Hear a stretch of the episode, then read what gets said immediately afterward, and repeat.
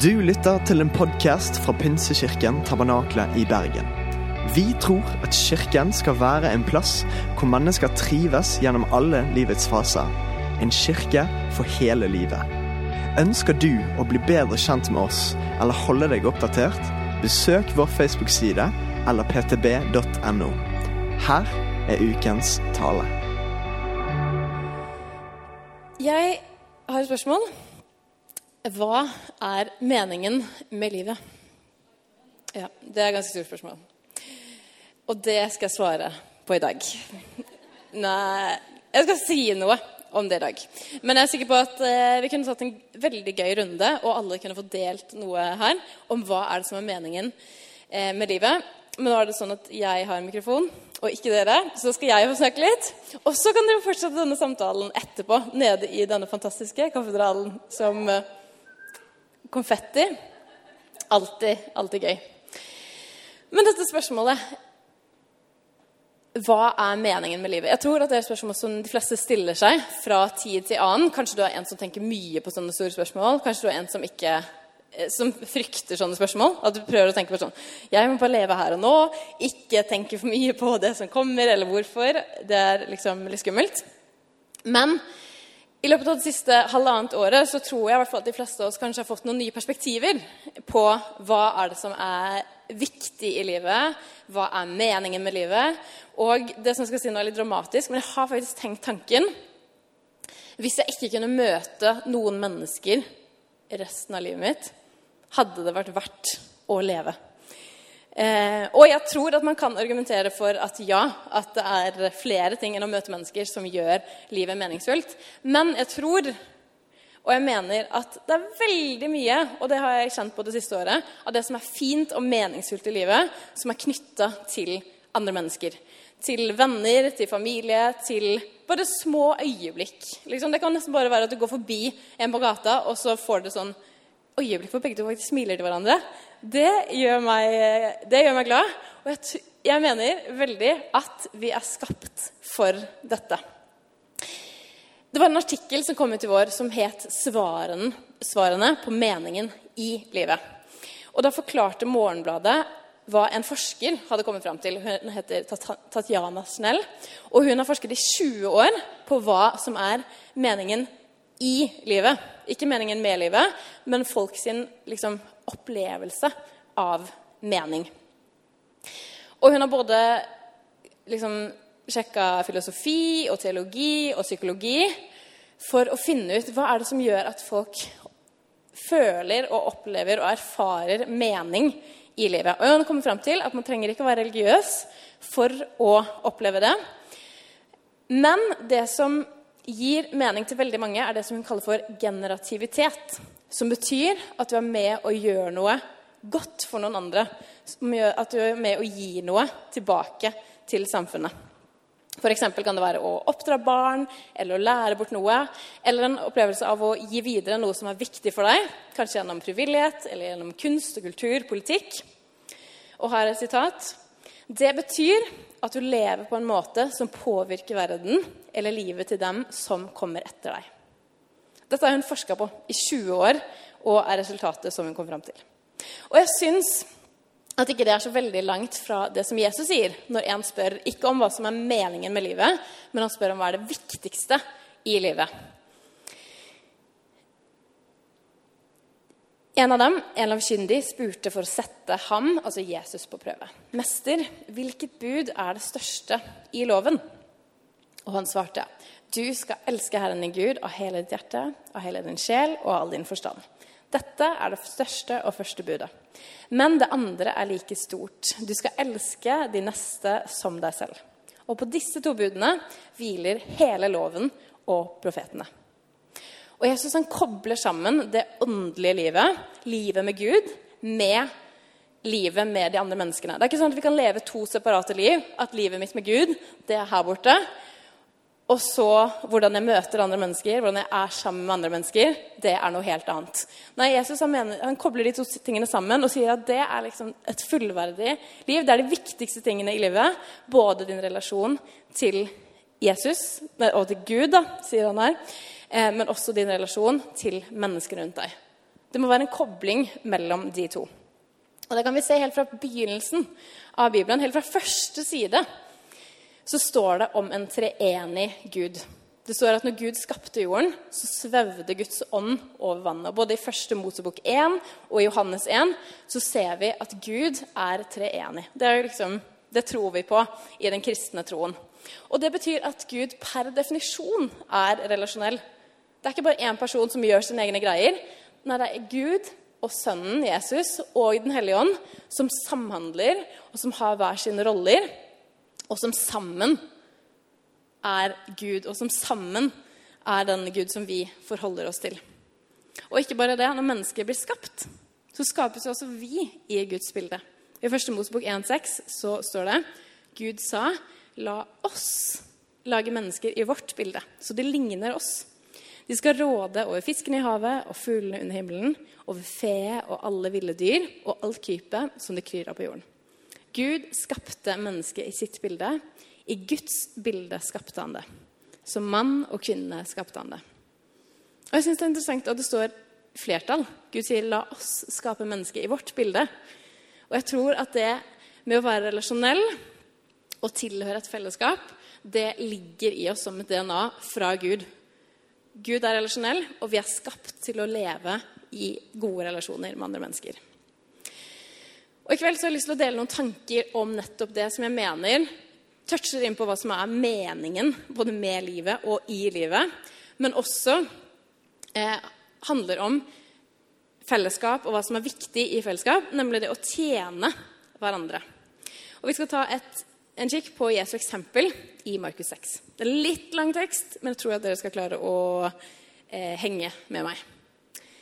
Da Jesus gikk i land, så vi kan se en mengde mennesker, og han fikk inderlig medfølelse for dem, for de var som sauer uten gjeter. Og han ga seg til å undervise dem om mange ting. Det var nå blitt sent på dagen, og disiplene kom til ham og sa:" Stedet er øde, og det er alt blitt sent.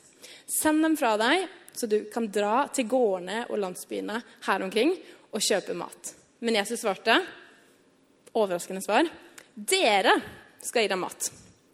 Og de sa, skal vi kanskje gå og kjøpe brød for 200 denarer, så de kan få spise?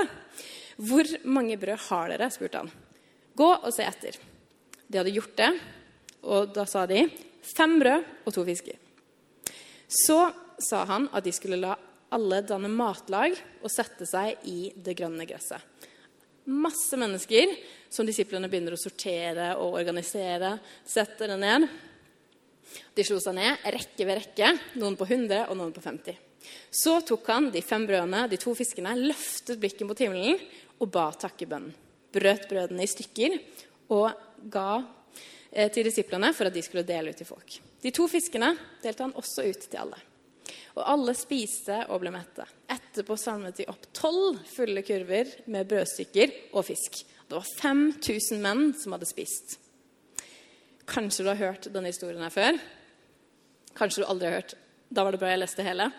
Men hvis du har hørt den, så har jeg lyst til å likevel eh, påstå at jeg skal peke på noen ting som kanskje du ikke har tenkt over før. Jeg har lyst til at vi skal se på Jesus sitt eksempel i denne historien her.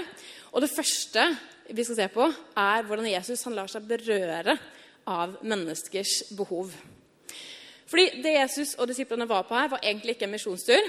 For de hadde allerede vært et sted, hvis man leser før denne teksten, så hadde de vært et annet sted som var fullt av mennesker som ville se Jesus, høre Jesus, bli helbreda av Jesus. Og så står det at Jesus sier til disiplene, 'Bli med meg til den andre siden, og skal vi hvile litt.' Så jeg ser for meg en blå himmel. Disiplene er på båttur med Jesus, koser seg. Men så er bare problemet at det er alltid folk som har lyst til å være der hvor Jesus er, så de følger etter. Og så står det at når Jesus ser folkemengden, så sier han ikke til disiplene Snu båten, vi må finne en annen, en øde øy. Det er der jeg har lyst til å være nå. Jeg er sliten. Men det står at han får inderlig medfølelse med dem. Og det sto til og med at eh, det står tidligere i teksten at disiplene, det hadde vært så mange folk at de ikke hadde rukket å spise. Som er ironisk når vi kommer til denne historien, hvor de heller ikke har mat. Men Jesus han ser de menneskene som er der. Han lar seg berøre, og så handler han på det. Og nettopp det her det utfordrer meg igjen og igjen. Lar jeg meg forstyrre i hverdagen min? Det er så lett å, å på en måte lukke øynene sine. Både de fysiske øynene kan man jo lukke, men også liksom lukke hjertet sitt litt fordi man har for dårlig tid, eller det er så mange ting, eller uh, man føler at man ikke har nok å gi. Jeg kan sikkert ikke hjelpe i den situasjonen der. Men det å faktisk være folk som lar seg berøre og få medfølelse, det tror jeg er viktig. Det er som om noe knuser litt i hjertet til Jesus når han ser dem. Han begynner å undervise dem om mange ting. Og kanskje i den tiden som ligger bak oss nå, så har det jo også vært mange restriksjoner. Det har vært sånn at alle skulle holde seg hjemme. Sant? Og det er lett det også kunne bli en unnskyldning for å ikke sant? De man ikke ser, de er det litt lett å glemme behovene til. Eh, mens jeg merker nå at når hverdagen på en måte begynner å bli litt vanlig igjen, så er det som at det liksom bare flere og flere ting kommer inn igjen i hverdagen min og nesten spiser opp tiden min. Så jeg vet ikke hva som er utfordrende for deg i det å la seg forstyrre, stoppe opp og faktisk ta inn over seg andre sine behov. Eh, men det er i hvert fall en utfordring til deg. Tenk over lar jeg meg forstyrre. Du skal elske Herren din Gud og de neste som deg selv. Det henger sammen. Og Jesus han gjør det veldig klart at vårt forhold til Gud og vår relasjon til ham må også få konsekvens i møte med andre mennesker. Både de behovene som er veldig synlige, men også det å være nysgjerrig og søke de behovene som kanskje ikke er så synlige og oppi fjeset vårt. Den andre tingen som jeg syns er veldig kult med denne historien, her, er at Jesus han tar disiplene med seg i Han lar de få lov til å være en del av løsningen. For Jesus han kunne jo lett har gjort dette på en annen måte. Tidligere i Det gamle testamentet så leser vi om at Gud lar det komme manna fra himmelen til israelsfolket. Hele bakken blir dekket med mat. Og da er det på en måte, der er det Gud som gjør et under. Mens i denne historien her så lener Jesus seg på disiplene. Han involverer dem, og han inviterer dem. Og han sier faktisk altså På en måte så virker det som han gir alt ansvaret tilbake til dem og sier dere skal gjøre mat. Og for meg så er det nesten som et, liksom, et av mine verste mareritt. For jeg har ganske mange sånne mareritt hvor jeg skal organisere altfor store ting. Eh, senest i natt så drømte jeg at det var et bryllup, og så gikk ting galt. Bygget på at eh, Ruth Miriam, som var min søster, hun var i bryllup i går. Så en eller annen grunn så hadde det bare ja, bygd seg opp i hodet mitt. Men det å lage liksom, taco til 20 personer, er det noen som har prøvd det? Det går. Men liksom ha ansvar for kjøkken på leir Kanskje det er noen av dere som skal ha det på den leiren. Men det er liksom et nytt nivå. Det er slitsomt. Men mat til 5000 personer, og du har ikke engang mat, det er jo maks stress, spør du meg. Og noen ganger så kan vi kanskje la oss berøre et problem men så vet vi ikke hvordan vi skal løse det. Hva, det vi har, hva har vi egentlig å gi i denne situasjonen her?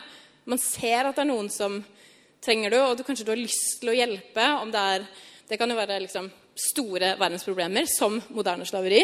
Eller det kan bare være i møte med en venn som har det vanskelig, og så vet man ikke hvordan hvordan skal jeg løse dette? Hva har jeg? Man kan bli litt overvelda både av eh, verdens utfordringer, men også bare i vår egen by eller i din egen vennegjeng. Og jeg kan også til og med tenke Er det som jeg har å gi, eh, liksom, har det noe å si? Eller blir det bare dumt at jeg stopper opp her og prøver å hjelpe? Vil det bety noen ting? Men jeg tror at det som eh, skjer i den relasjonen mellom disiplene og Jesus, da, er tillit. De valgte å stole på Jesus. Eh, for det står ikke helt hvordan, det, hvordan dette skjedde. Om det var liksom sånn at maten bare på en måte vokste opp. Det virker ikke som det var sånn. Det står at Jesus delte ut en bit. Bare se for dere disiplene som organiserer 50 og 100 personer og sier sånn Ja da, det kommer mat. Bare sett dere ned. Tenk på den tilliten som de må ha hatt til Jesus. Eller tenk på den frykten kanskje de hadde. Hva er det som, er det som skjer nå? Hva er liksom neste skrittet? De hadde funnet mat og gitt det til Jesus, det de hadde. Og så måtte de stole på at Jesus kunne gjøre noe fantastisk med det. Og Jeg bare ser for meg at man får liksom fra Jesus brød, en brødbit, og så går du med den brødbiten bort til 50 personer eller 100 personer. Og så skulle jeg ønske det sto i Bibelen akkurat hva som skjedde. Eh, men det gjør det ikke. Men det er ganske tillit da, å gå med den lille brødbiten bort til mange, og så begynne å dele ut den. Og så se at det holder faktisk. Det er faktisk nok, det lille som vi klarte å samle sammen. Eh, og det leder meg over på mitt siste punkt, som at Jesus han gjør det som er ordinært og vanlig, han gjør det til noe ekstraordinært. Fordi det er Jesus som er X-faktoren i denne fortellingen her. Og jeg tror at Jesus kan ta helt vanlige ting fra våre liv, som kanskje være en handletur eller en uh, kollokviegruppe eller en telefonsamtale. Så tar han de tingene, og så gjør han noe ekstraordinært. Vi kan kanskje ikke i et knips løse hele problemet med f.eks. moderne slaveri. Men ditt bidrag kan fortsatt være enormt viktig. Eh, eller du kan kanskje ikke løse familieproblemene til en venn av deg, men det at du bryr deg om den vennen og går den turen med den vennen, kan fortsatt ha noe å si. Sant? Det er ikke alltid vi har nok til å fikse alt. Men jeg tror at det, liksom, det bidraget som du har, og det lille som det føles noen ganger du har, det kan ha masse, masse å si. Og Noen ganger så møter jeg eh, utfordringer hvor jeg tenker at her er det noen andre som kunne løst dette på veldig mye bedre måter enn meg. Jeg har ikke erfaring med dette, jeg vet ikke hva jeg skal gjøre. Men en trøst for meg er å vite at jeg faktisk har Den hellige ånd på innsiden. For Den hellige ånd har løst enormt store problemer før. Han har trøsta så mange før. Eh, så det å leve med en tro, å leve i en relasjon med Jesus, gjør at det er ikke bare det jeg har som kan få betydning for andre, men det er faktisk meg pluss Jesus. Og den kombinasjonen er så mye mer, akkurat som det brødet og de fiskene som disiplene fikk dele ut. Så var det ikke bare det de hadde klart å skrape sammen, men det ble veldig mye mer når de tok det med til Jesus og sa dette er det vi har. Kan du bruke det, så velsigna Jesus det. Og så ble det mat for mer enn 5000 personer. Og i Galaterne 5,22 så står det om åndens frukt. Om hva som vokser i oss når vi kan leve, når vi lever med Den hellige ånd. Åndens frukt er kjærlighet og glede og fred, overbærenhet, vennlighet, godhet, trofasthet, ydmykhet og selvbeherskelse. Veldig mange fine ord. Men også veldig mange ord som ikke har så mye å si på en måte bare for oss selv men det er jo i fellesskapet og i relasjonene at disse ordene faktisk får effekt. sant? Hvis du blir fylt av kjærlighet, så det kan jo på en måte være en sånn mm, fin følelse å vite at f.eks. Gud elsker deg. Ja, men kjærlighet som en frukt, den kommer jo til uttrykk i møte med andre mennesker. Eller ovenbærighet, eller trofasthet. Det er i fellesskapet og i relasjonene våre at de fruktene faktisk har en effekt. Jeg tror, som, som, jeg sa i begynnelsen, at vi mennesker er skapt til å være en del av et fellesskap. Skapt som relasjonelle vesener. Og at vi kan både ta imot, eh, ta imot Jesus, og vi kan leve med Den hellige ånd. Og det gjør at vi både kan få være i fellesskap med de, men at det også utruster oss for å være med og bygge et godt fellesskap for og sammen med andre. I et dikt fra 1904, faktisk, det er ganske gammelt, så står det Den største gleden man kan ha, det er å gjøre andre glad. Eh, og det er jo på en måte en litt sånn barnslig og enkel eh, glede. Men jeg mener at barn er kanskje noen av de beste eksemplene på en sånn liksom bare ren glede og entusiasme av å få glede noen andre. Eh, for se for deg, kanskje, du, kanskje, det har vært deg, eller kanskje du har sett noen eh, lignende barn, som har liksom laget en gave til foreldrene sine. Som de bare tenker er det fineste i verden. 'Jeg har lagd det til deg, mamma', med kjærlighet. Kanskje ikke det er Det er sannsynligvis ikke det fineste tingen i verden. Det kan hende det er noen steiner som er limt sammen, eller en, en dorull som er blitt om til en engel, eller noe sånt. Men så er det bare sånn Jeg hørte en mamma fortelle om en som hadde kommet hjem med en sånn type gave. da litt før jul som hadde laget i barnehagen. Men barna bare kunne ikke vente, for det var bare sånn Mamma, du må åpne denne gaven som jeg har laget, som er to steiner som jeg har limt sammen. Sånn. Jeg klarte ikke å vente til julaften. Klarte ikke å si, holde det hemmelig engang hva hun hadde lagd, fordi hun var bare så sykt glad for å kunne gi.